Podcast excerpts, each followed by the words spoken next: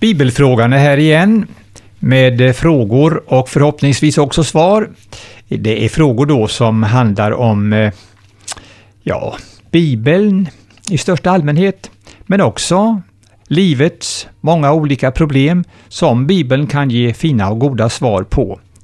Ruben Engdahl heter jag, tekniker är Annemaj Sandström och programmet kommer ifrån Radio Adventkyrkan. Vi ska ta då och sätta igång, men först vill jag säga det att eh, vi är angelägna om just din fråga, att få in den och eh, att du kan ringa oss på telefonnummer som kommer senare i programmet.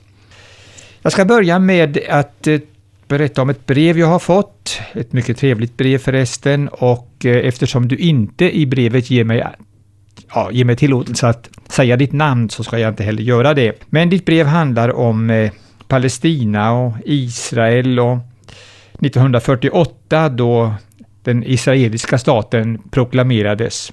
Frågan är som du själv säger svår och jag har inget svar på den idag. Jag ska fortsätta att göra efterforskningar så att jag kanske har något att meddela. Men jag återkommer till det antingen i programmet här eller också får du ett brev från mig. Tack så här långt med det då. I kyrkorna kan man höra flera trosbekännelser som läses. Vilka är de? Jo, i huvudsak är det två trosbekännelser som läses. Den vanligaste är den som kallas för den apostoliska bekännelsen. Men inte därför att apostlarna har formulerat den. Den kommer från en dopbekännelse på 200-talet, och det är ju lång tid efter apostlarnas tid. Men eh, den blev fullständig faktiskt först från 700-talet. Det är den vanligaste bekännelsen som läses i kyrkorna faktiskt varje gudstjänst. Sen finns det en annan och den kallas för den nicenska trosbekännelsen. Den är från 381 efter Kristus. Den läses i kyrkorna vid mer högtidliga tillfällen. Den tycker jag personligen väldigt mycket om. Nästa fråga. Efter den 70-åriga fångenskapen byggdes ju ett nytt tempel i Jerusalem. Det förra templet var ju Salomos praktfulla tempel. Eh, det nya templet var ju jämförelsevis så enkelt och ändå kunde profeten Haggai skriva som han gjorde, att det skulle vara ännu större härlighet i det andra templet. Ja, hur kunde Haggai skriva som han gjorde? Men låt oss läsa versen. Haggai 2.10. Den tillkommande härligheten hos detta hus ska bli större än dess forna var, säger Herren Sebaot. Och på denna plats ska jag låta friden råda, säger Herren. Det här är en underbar bibelvers faktiskt. Vi tittar på ett par detaljer.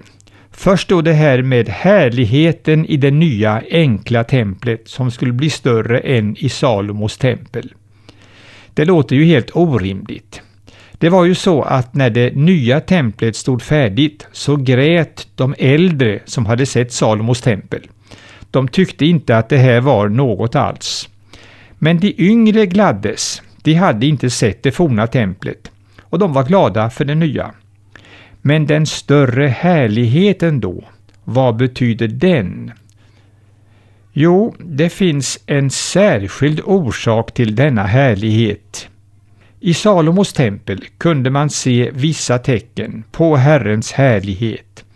Men i det senare templet gjorde Kristus själv entré. Redan åtta dagar gammal bars Jesus fram i templet och eh, det var också i templet Jesus vid 12 års ålder dröjde sig kvar och samtalade med de skriftlärde och ställde frågor så att de häpnade, skulle jag tänka mig. Och sedan rörde sig Jesus ut och in i templet. Och detta gjorde att genom Kristi närvaro blev härligheten större, mer påtaglig än i Salomos tempel. I templet på Jesu tid fick människor möta Herren Kristus och därmed Guds härlighet. Människorna fick höra frälsningens och livets ord genom Jesu undervisning. Men Haggai nämnde också friden. Och det syftar på den Guds frid som människor fick möta genom Jesus. Jesus sa till lärjungarna, Min frid ger jag er och Jesaja hade profeterat och sagt, så ska herradömet vara stort och friden utan ände över Davids tron och över hans rike. Jesus intog Davids tron som Davids ättling i det Andens rike som inte är av denna världen.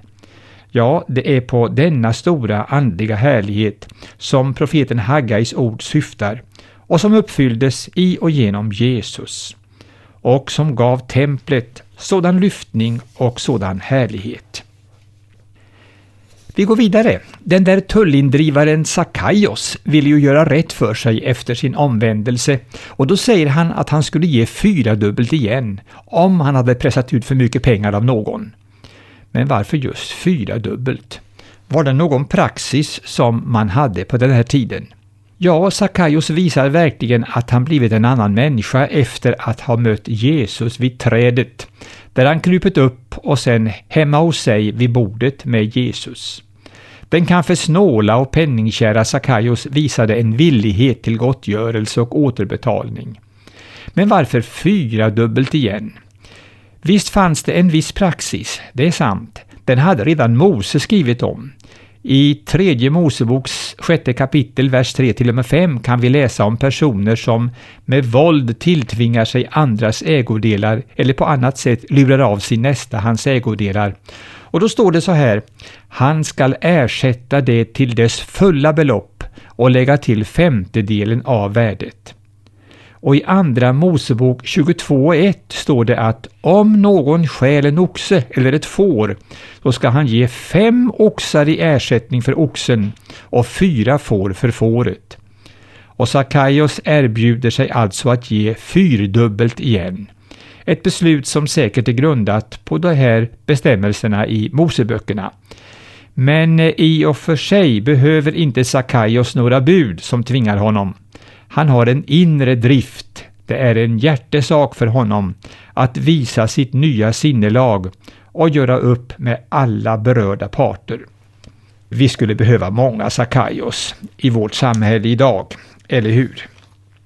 Jesus tycks inte ha samlat bara män omkring sig, jag menar nu hans lärjungar, utan också kvinnor som följde honom. Eller hur ska man förstå Lukas 8, 1-3? Vi ska ta och läsa de verserna.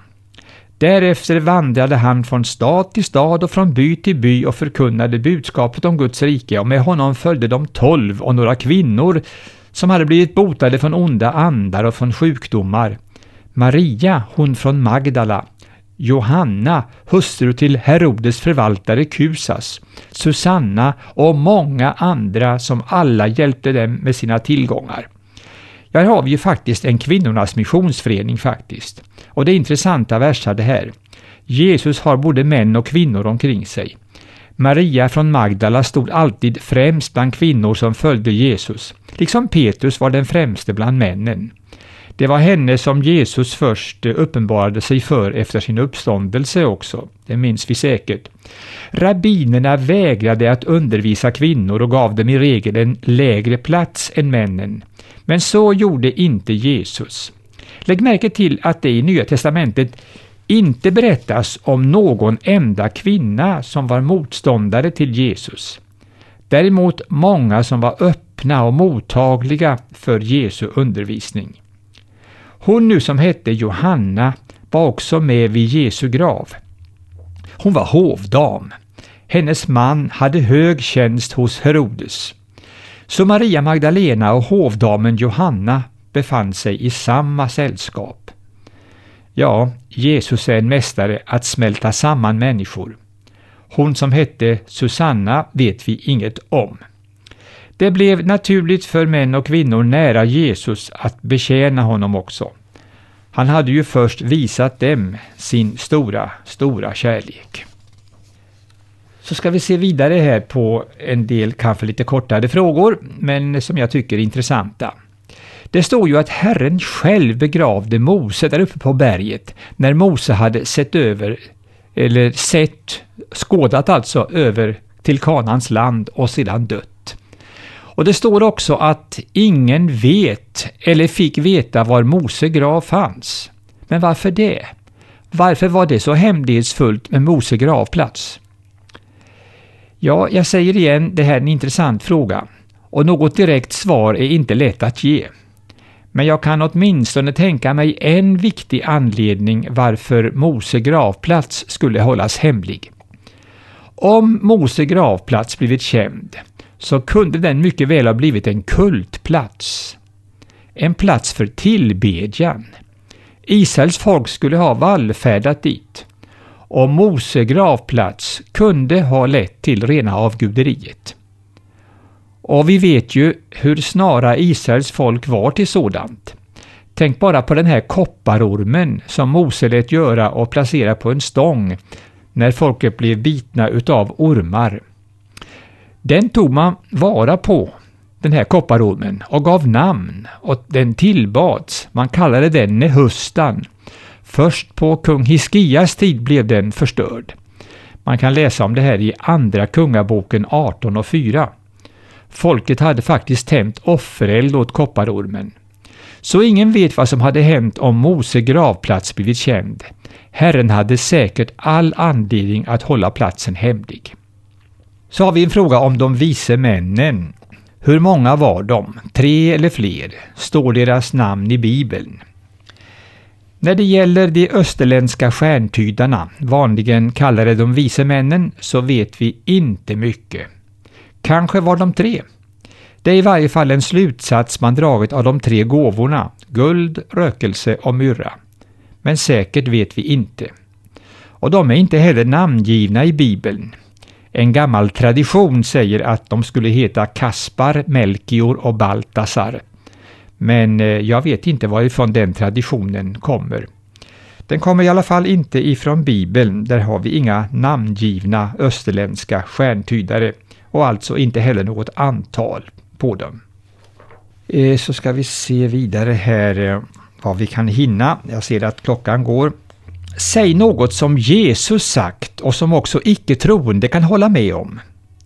Ja, jag tror det finns mycket som Jesus sagt som vem som helst skulle kunna hålla med om. Jag träffade en man häromdagen och vi kom att prata om hur vi människor lever.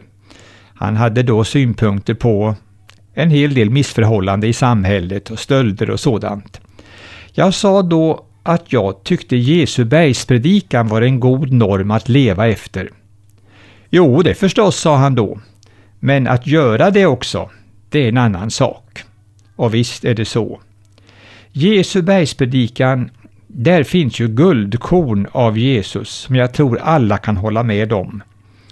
Och då tänker jag på Matteus 7 och 12 till exempel. Allt vad ni vill att människorna ska göra för er, det ska ni också göra för dem. Och man kan bara tillägga, tänk om alla människor ville gå in för att leva efter dessa Jesu ord. Vilken helt annorlunda värld vi skulle få då. Mängder av stora och små problem skulle försvinna, eller hur? Ja, säkerligen. Och där tror jag att vi får ta och runda av lite grann och eh, gå in för att eh, rätt snart sluta vårt program för den här gången. Telefonnumret till oss är 711 11 99 711 11 99 och därmed är det slut för oss från Radio Adventkyrkan Bibelfrågan. Jag heter Ruben Engdahl.